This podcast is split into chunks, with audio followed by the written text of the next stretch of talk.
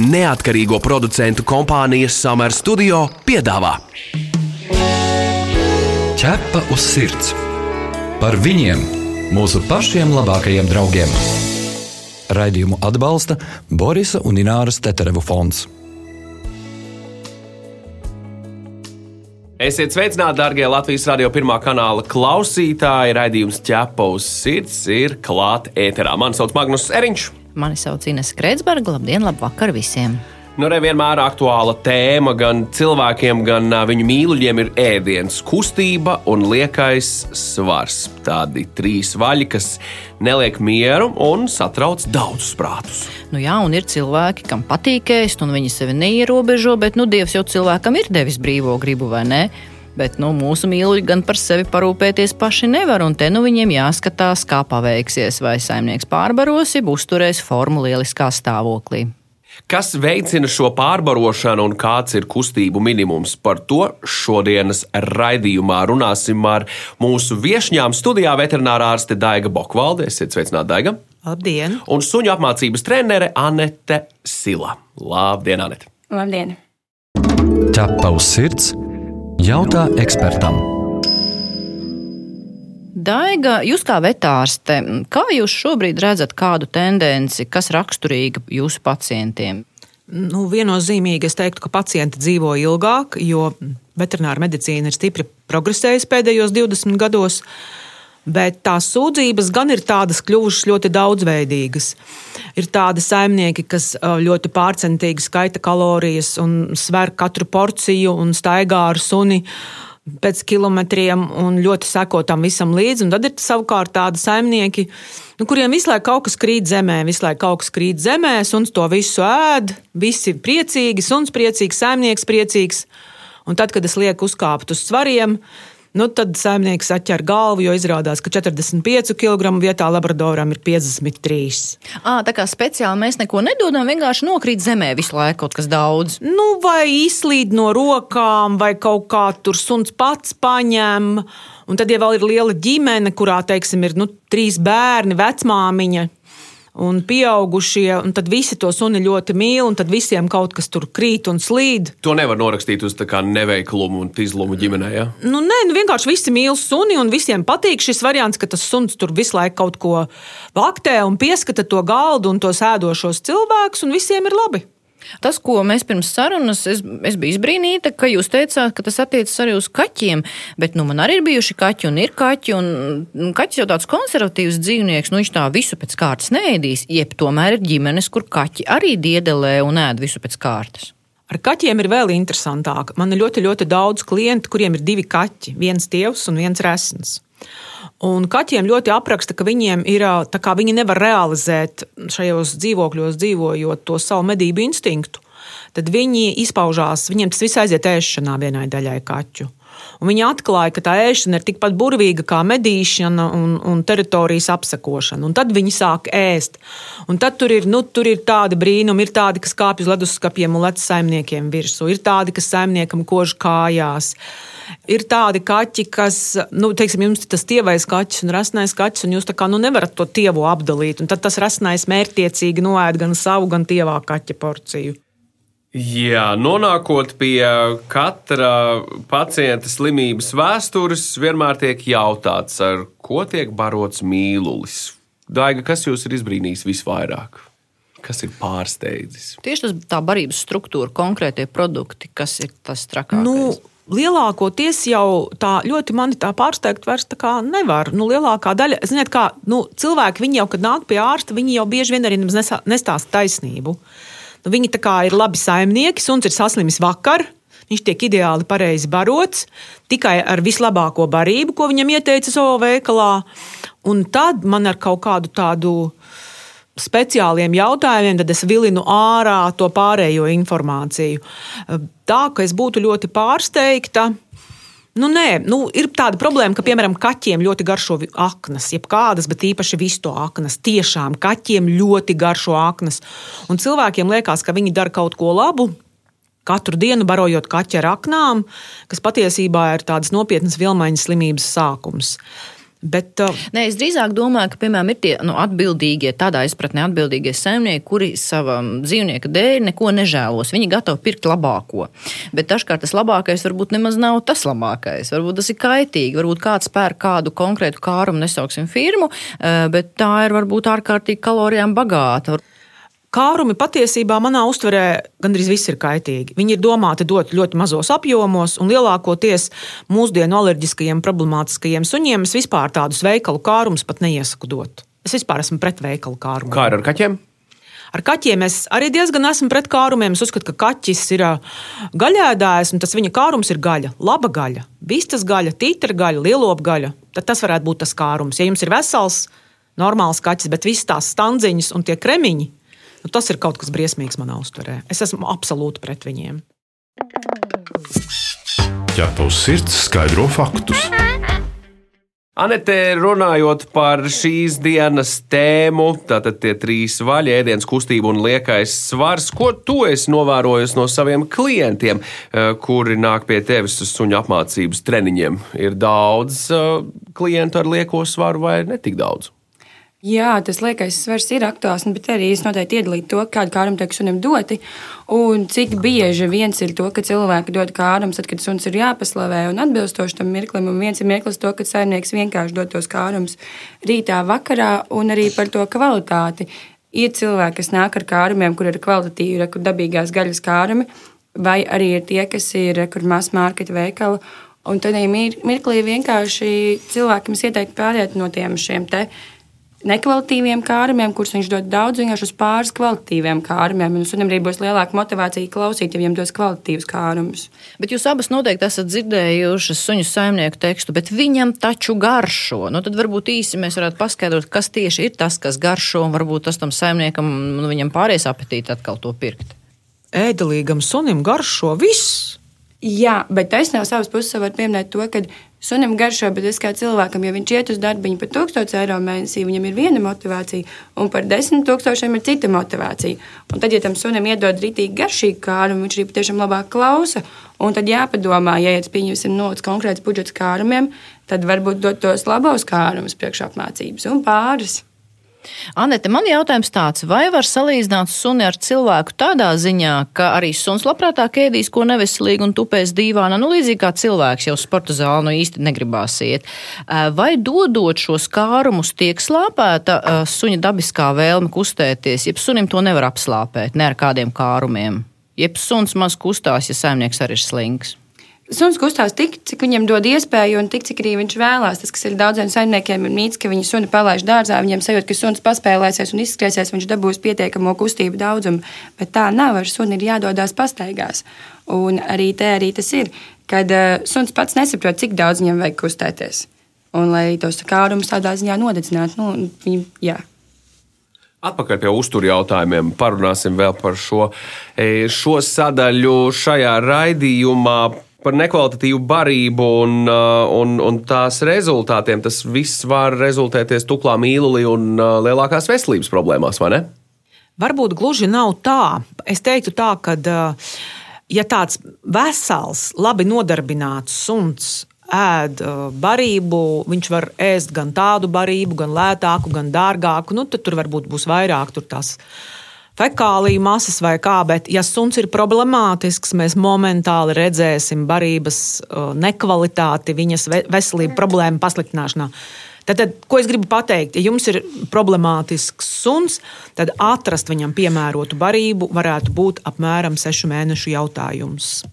Jā, nu tieši kādas ir tās problēmas, kas var rasties lietojot nekvalitatīvus kārumus un par daudz šos visus kārumus? No, nu, liekais svars ir viena lieta, bet nu, ir taču arī ļoti daudz citas blaknes.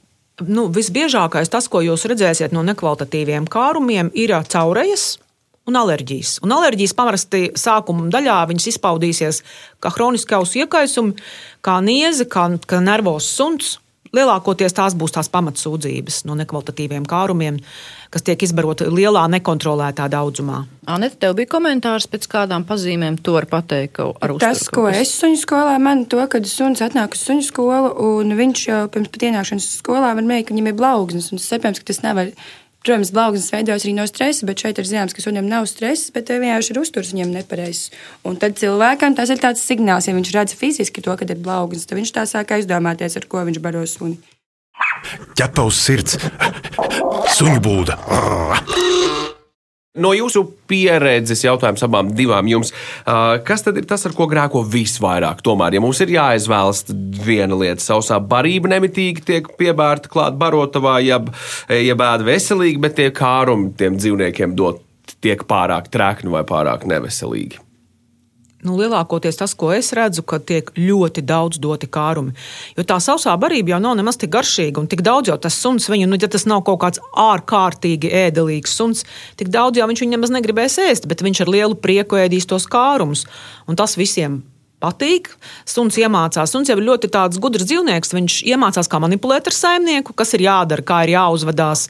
Vai tur ir kaut kāda jāpilda kaut kādas, nezinu, vai uz pakaļkājām viņš tur ceļā sēžās, vai ar ķepiņu kasa.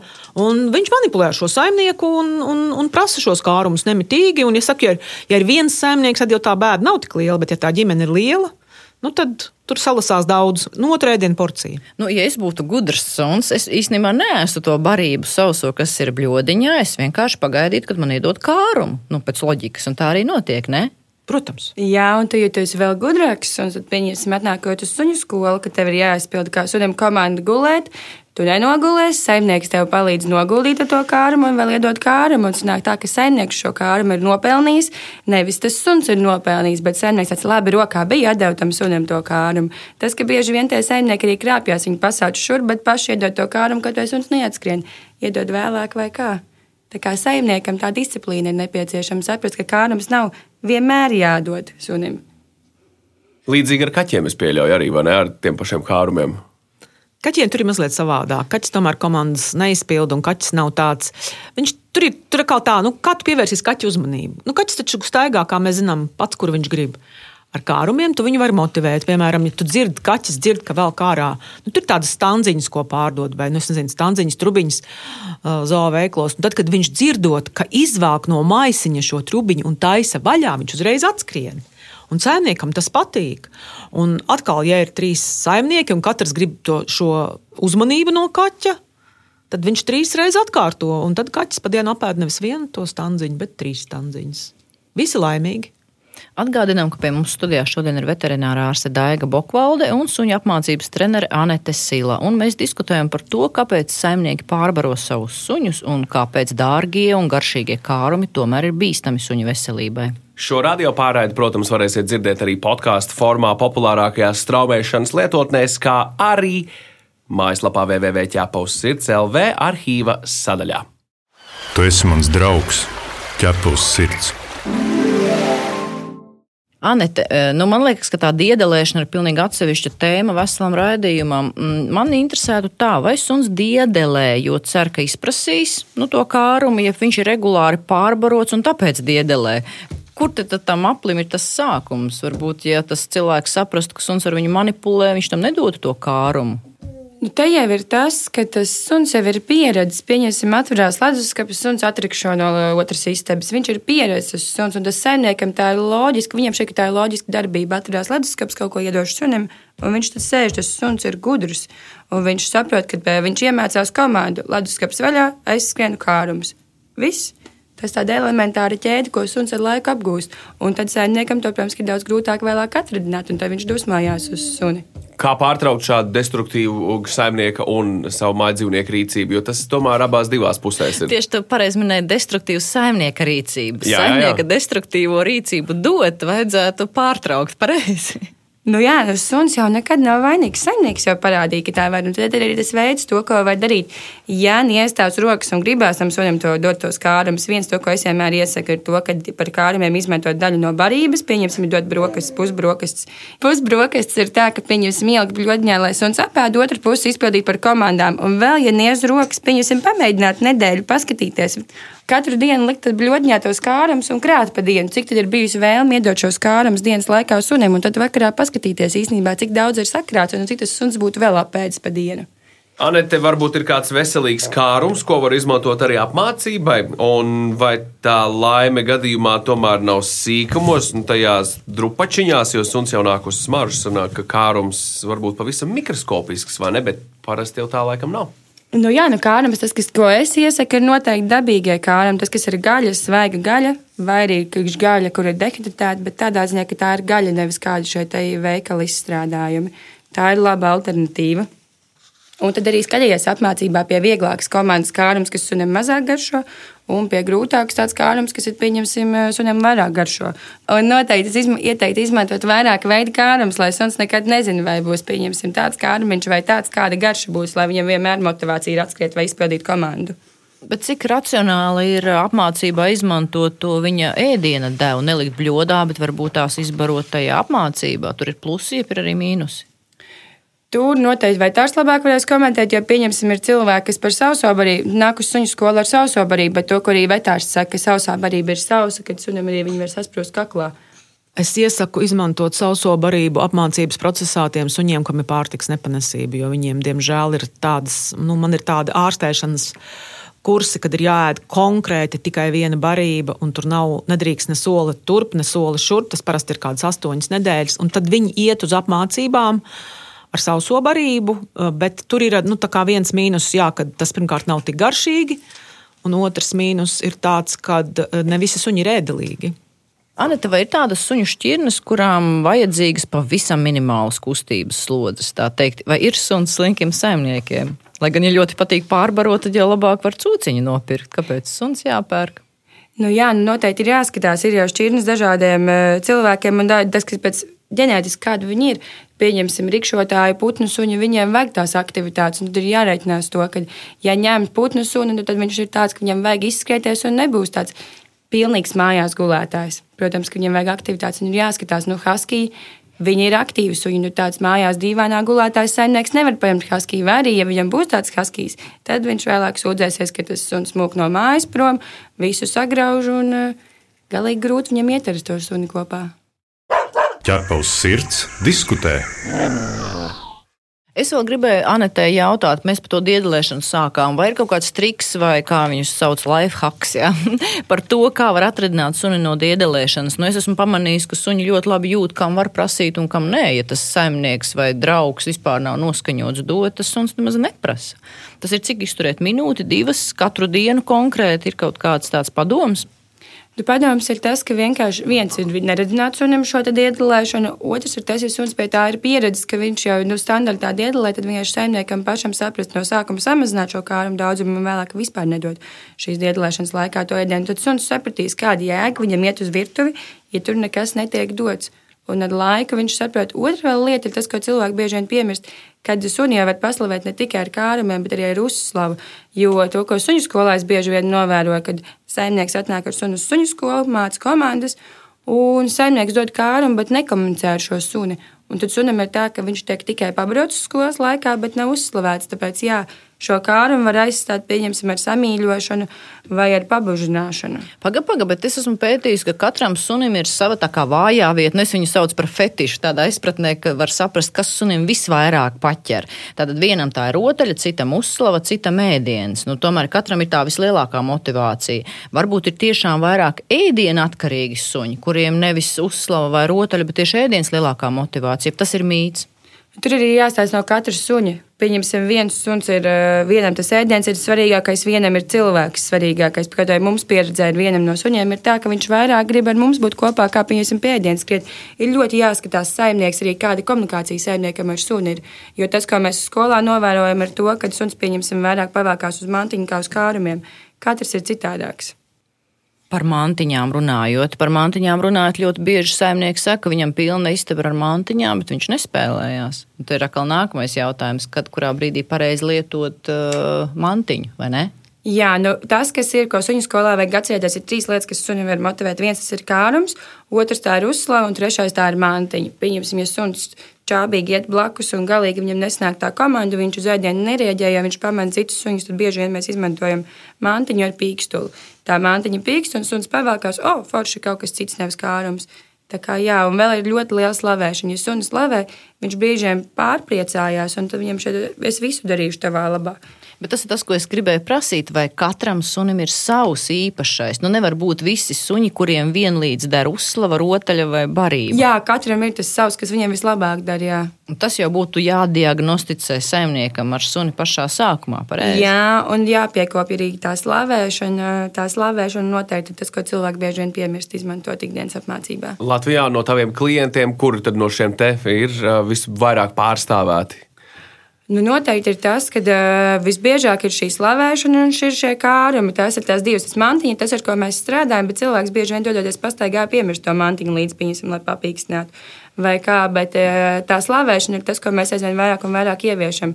Ja tas suns grib izpatikt, un bieži vien tu skaties to sunu, viņš patiešām ir gatavs no kažociņa izlīst tikai lai saimnieks viņus nu, paslavētu.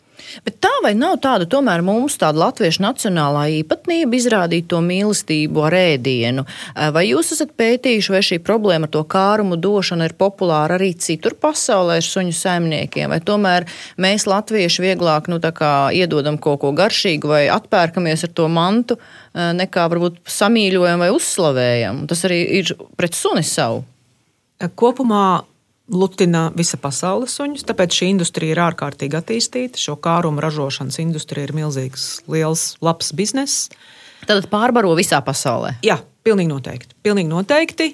Bet tā mana tendence, ko es esmu pa saviem gandrīz 30 gadiem sapratusi, ka gandrīz neiespējami ir tikt galā ar suņiem, ar suņu veselību, kur mājās ir vecās māmas un vecie tēvi un kur ir mazi, mazi bērni. Jo ar maziem bērniem suns manipulē. Nu, viņš vienkārši viņiem ēd no mutes, no rokām ārā. Viņš dežūrē tajā brīdī, kad bērns ēd. Un bērnam tiešām ļoti krīt viss kaut kas ārā.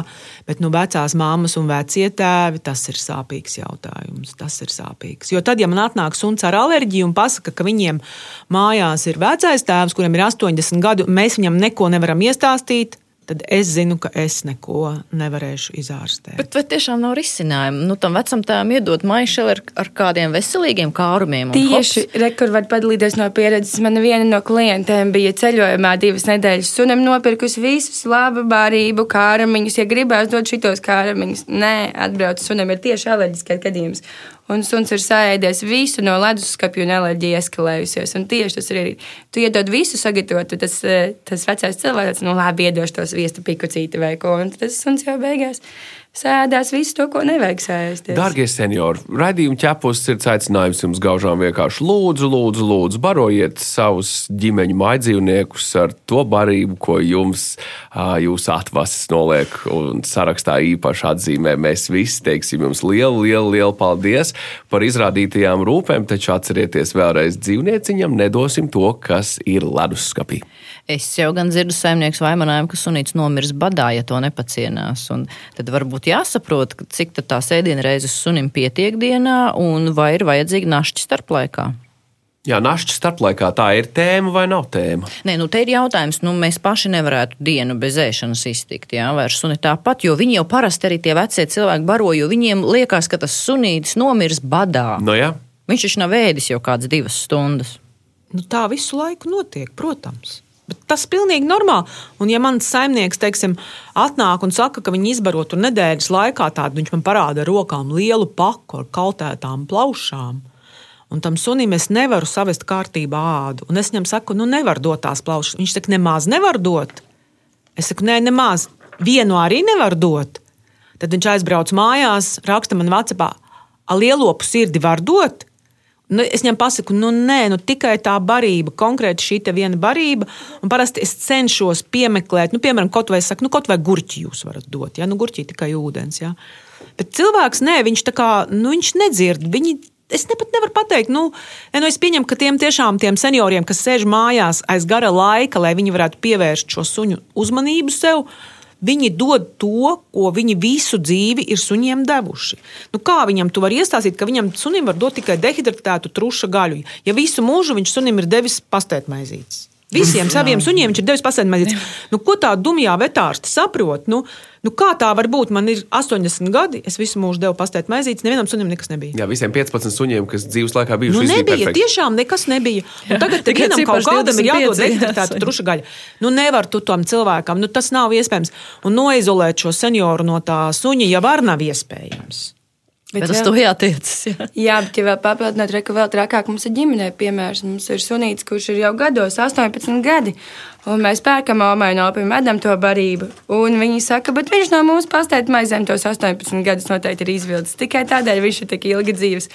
Nu, un tad ir tieši tas, tas ko minējā vetārs. Nu, tad vienkārši nu, nevar Man, izdarīt. man bija gadījums, es ārstēju sunu zeltaino retrieveru, tad, kad tikko sākās zeltaino retrieveru bums Latvijā. Nekāda nevar izārstēt tādu. Nekāda man tajā laikā nebija arī liela pieredze. Es nevarēju saprast. Nu, vispār es teicu, nu, ir viss, neko tur nevar izdarīt. Un šie klienti man pazūd, un es domāju, nu, ir aizgājuši pie cita ārsta. Un pēc pusgada viņi man atnāk uz vakcināciju ar pilnīgi veselu suni. Un es saku, kā, es saku, kā viss kārtībā. Es saku, mēs taču nevarējām vispār to ādu izārstēt. Viņi saka, jā, vīrmāte pie mums vairs nedzīvo. Un tad viņi bija piespieduši to vīrmāti pie sienas, un izrādās, ka vīrmāte katru dienu ēd šokolādi, un pusi Ak, no vai. šokolādes viņa dod sunim, jo viņa dalās ar suni. Viņa ir labs cilvēks. Un tajā brīdī, kā viņa, nu es nezinu, kāpēc viņa, kā tur tas tajā ģimenē bija, kāpēc viņa tur bija dzīvojusi, kāpēc aizbraucis, suns paliek vesels. Un tu vari ārstēt, un ņemties, un piodermīts, un Jo šampūni. nezinājāt par to šokolādi. Protams, to neviens vispār pat nevarēja iedomāties. Labi, ka vispār dzīves Vienkārši tas palika. suns palika vesels tajā brīdī, kad viņas vairs nebija. Un tie saimnieki, nu, loģiski sāka domāt, ka tur ir kāds zemūdens akmens. Tu pazīsti kādu īpašu dzīvnieku draugu? Tavs kaimiņš vai kolēģis palīdz nelaimē nonākušiem suņiem un kaķiem? Varbūt kāds suns vai kaķis izmainīs tavu paša dzīvi. Raksti mums, un mēs pastāstīsim šo sirsnīgo stāstu pārējiem klausītājiem. Iedrošināsim arī citus izdarīt kādu labu darbu. Gaidām jūsu vēstuli uz info atķepa uz sirds LV. Bet daiga ļoti daudz suņu šobrīd ir ar alerģijām, bet cik tas liels mīts vai patiesība, ka tas viss ir no nepareizas barības? Nu, cik procentuāli alerģiskās izpausmes suņiem ir no barības? Es domāju, ka kādi 50% ir barība, un kādi 50% diemžēl tas ir saistīts ar visādām putekļu ērcītēm, ziedputekšņiem, saprofīcēniem, nu, viss kaut kas, kas ir ār, nu, kā saucamā vides alerģija. Bet kādi 50% būs pārtika. Vai esat domājuši par to, kāds ir to saimnieku portrets, kas, nu, kas sabaro suņus ar kārumiem? Viņi paši nevarēs, tāpēc suņiem sagrūž visu, ko vien var iekšā, jeb tomēr pašiem ir liekais svars, un tad visa ģimene draudzīgi resnēs kopā. Kāds ir portrets gal galā? Nu, man tie saimnieki ir ārkārtīgi mīloši saimnieki, jo viņi ir gatavi nākt pie maniem uz vizītēm, tērēt to trako naudu. Viņi ļoti mīl savu suni, bet viņi grib, lai es viņu tā izārstēju, ka viņam var dot visus šos kārumus, viņš nepaliek resns, nekas ausis, viņam nav caurēja, un viss notiekās. Tie ir ļoti mīloši cilvēki. Jā, tur ir tievāki cilvēki, ir resnāki visādi, bet uh, tie tiešām ir nu, ārkārtīgi, ārkārtīgi mīloši saimnieki. Nu, Rekur, es savukārt ir tā, ka uh, nu, es uzskatu, ka suns tomēr ir līdzīgs tam saimniekam. Un redzot suņu skolā, to saimnieku, tu redzi to suni. Un ar laiku es saprotu, ka tas tomēr tie, kam paši mīl pāriest, bieži vien arī suns, rekurēs esmu novērojis, ir apaļīgāks. Bet otra lieta - pārbarot tiem, kam ir mājās daudz lieka laika. Rekur mēs runājam par senioru dāmām, pieņemsim par omītēm. Nu, ko viņai citu mājās darīt? To sunīti barot vai kaķīt. Ja cilvēks strādā visu dienu, viņam tak nav laika tos kārums tam sunim visu laiku barot. Tas arī ir ļoti svarīgi. Un pasies, cik daudz viņš pavadīja šo laiku ar suni kopā. Jo vairāk laika, jo vairāk kārumi.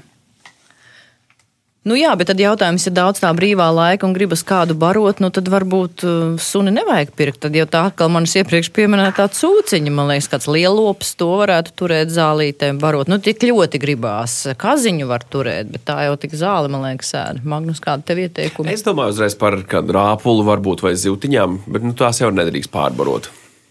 Esam redzējuši raidījumā ķepus, sirds, vis, vis, visādus sižetus. Atceros uzreiz Robi, kas man nāk atmiņā. Atceries? baroja ar cīsiņiem. Jā, viņi baroja ar cīsiņiem. Traģiski, tā nedariet. Tā, lūdzu, lūdzu, lūdzu, nedariet. Šajā reizē, wow, paldies liels mūsu viesņām studijā. Šajā dienā pie mums viesojās vetārste Daiga Bokvalde. Paldies par sarunu, Daiga. Paldies jums par uzaicinājumu! Un suņu apmācības trenere Anete Sila. Paldies, Anete, arī tev par iespēju ar tevi aprunāties. Paldies! Mūrāģam, ķepa uz sirds!